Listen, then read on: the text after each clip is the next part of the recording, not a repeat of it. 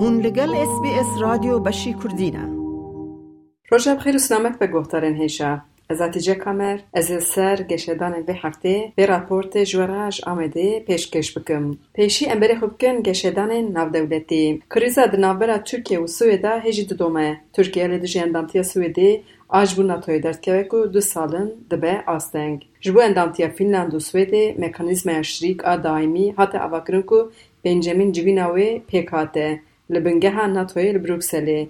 جان سولتنبرگ سکرتری گشتی ناتوی داخویا کرن روژا دشمه به اردوغان را جی و بجوین تایبت لسر مجارا اندامتیا سویده هروها سولتنبرگ دست نشان کر همان روژه و بسروک وزیر سویده اوف کریسترسون را جی جوینکی چیکن سولتنبرگ گوت او هول دیدن که ده کمبونا بلند آناتوی دا ترکیه بیجه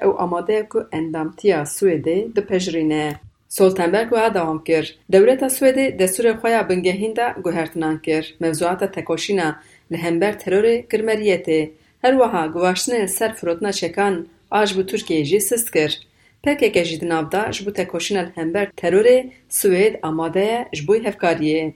Wî behsa çalakiyên Swêdê guldijê Tirkiye û Natoyê hatin kirin jî gêr û got ew dixwazin hevkariya me al hember terorê qels bikin, Natoyê perçe bikin.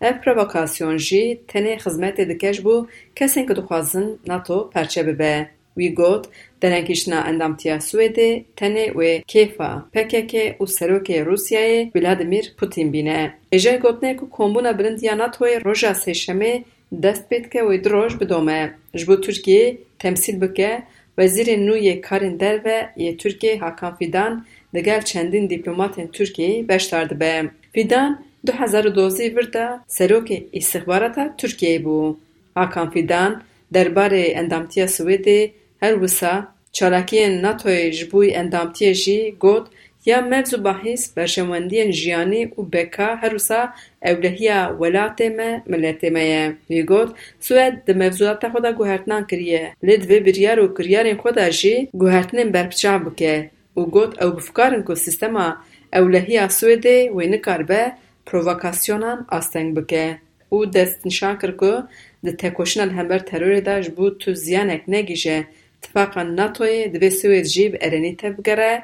Divê ew pê bizanin ku Swêd dikare bibe müttefikê hevkarê bê bawer.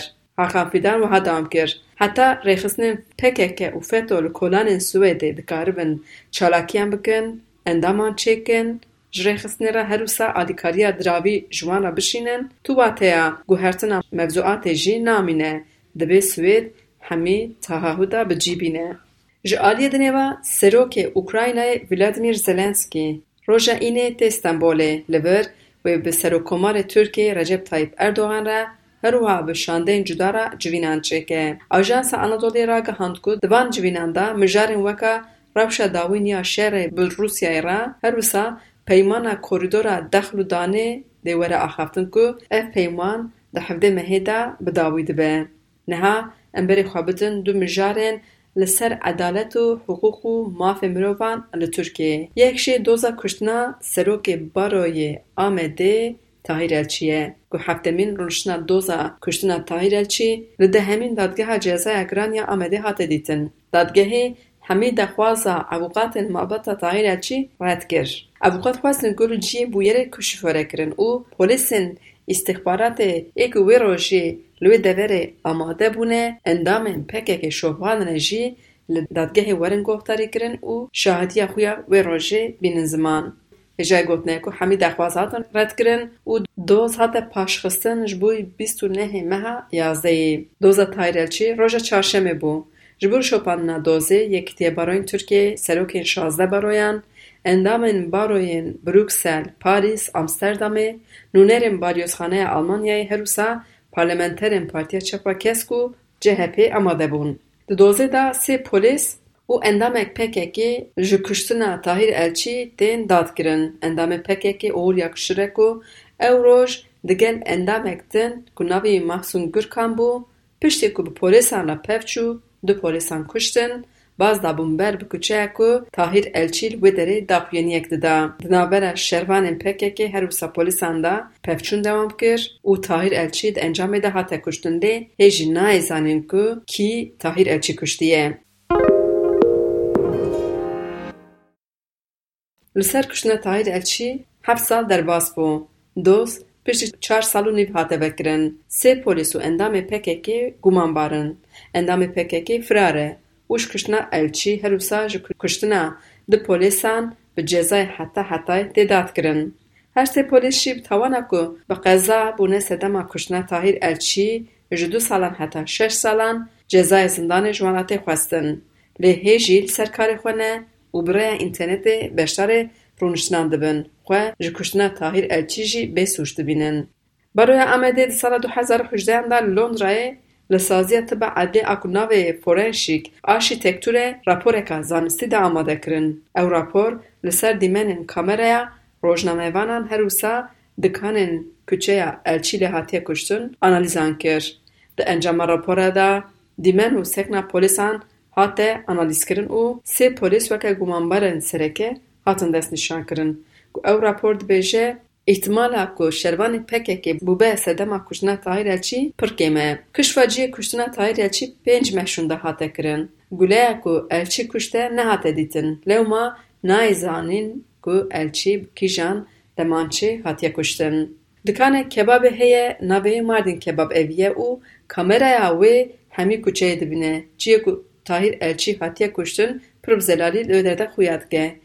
لی دیمنه کامیرایا اولهی دو جاران شاندن سازیه تبا عدلی جارا پیشی دیمن تونه بو و دیا دیه دا جیها تا گوتون که هارد درایور خرابویه دی دیمنه که پولیسان جی گرتیه دوزده چرکه والاهی هیه برای آمده دخواست کرد که وره تسپید کرن او دوزده چرکه بزانه بو جیهاتیه برن آن مدخاله اکل سرهاتیه کرن اوقات باورد کن که همی دلیل حتنون دا کرن به دیمنان لیستن و دخواستن کشتنه تاهیر الچیجی bihêlin weka faîlê meçhûl.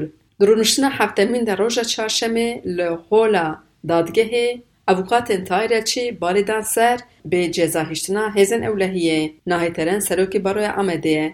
Wî daxuyaniyên Serokwezîrê wê demê Ahmet Davutoglu bi bîr xist ku Ahmet Davutoglu li Amedê gotibû ku kuştina Tahîr Elçî kuştineka siyasî ye.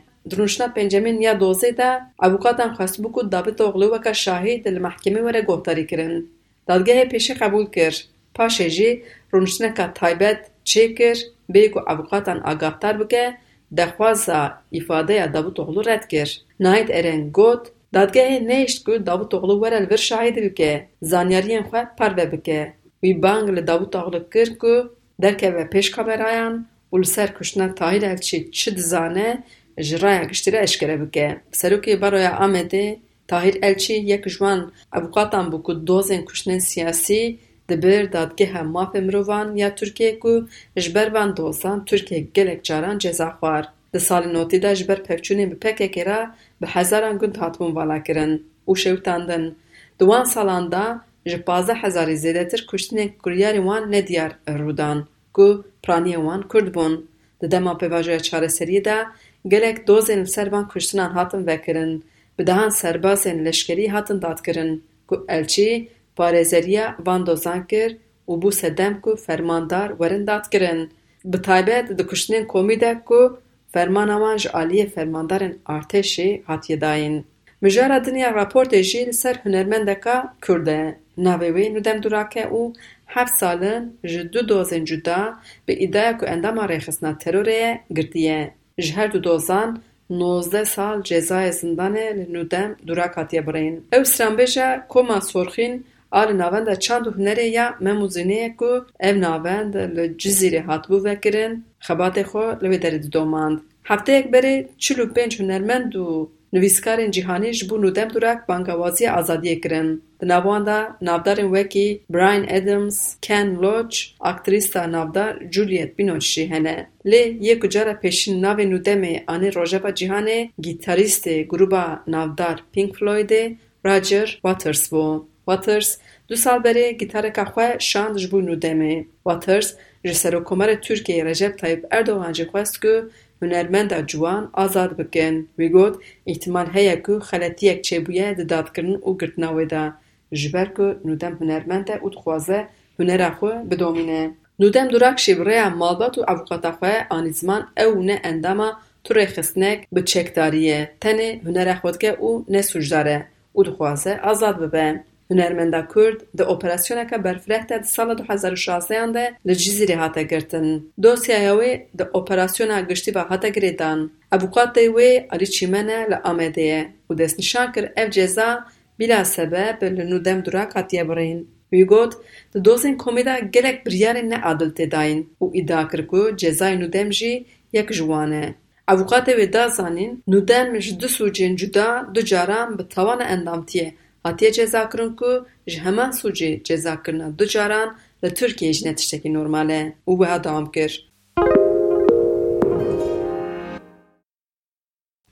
endama navenda çand هنری یا مموزینه او هنرمنده لی نه دادگه ها بلند نه وزارت داده تو بریارک خودا نگوت نکو او ناوند ریخسنک تروریه لی شایدک دی افاده خودا گوتیا که او سازی دی ناو تورا ریخسنک تروری ده جبر که نودم جی اندامه و کمالیه وکا اندام ریخسنه تی قبول کرن بریز چمن داخو یکرن او شاید نپن دی افاده خودا گوتیا که وی پیامه کج اندامه ریخسنه پکه که بریه دم او هدام کرد لپاش افشاده نپن افاده خو گوهرد. گوت به دار زوره افاده یا وی گردنه او لدادگه افاده خو یا پیشن جی رد کر اوقات علی چیمن وها دام افاده شاد جی به که اوقات لحضور آماده به جی گردنه یعنی اول دیج اصوله او قایده این یسایی نه او د حکم اساسا نه حتا گردن لگل که شاهید افاده خو رد کر لی افاده یا وی پیشن جی وکا دلیل حتا قبول کرن او نه سال و شش مه جزای زندانه لنودم دوراک بری. دوسیه دویه یا کنودم جزای اک جدا جه خواریه جه جه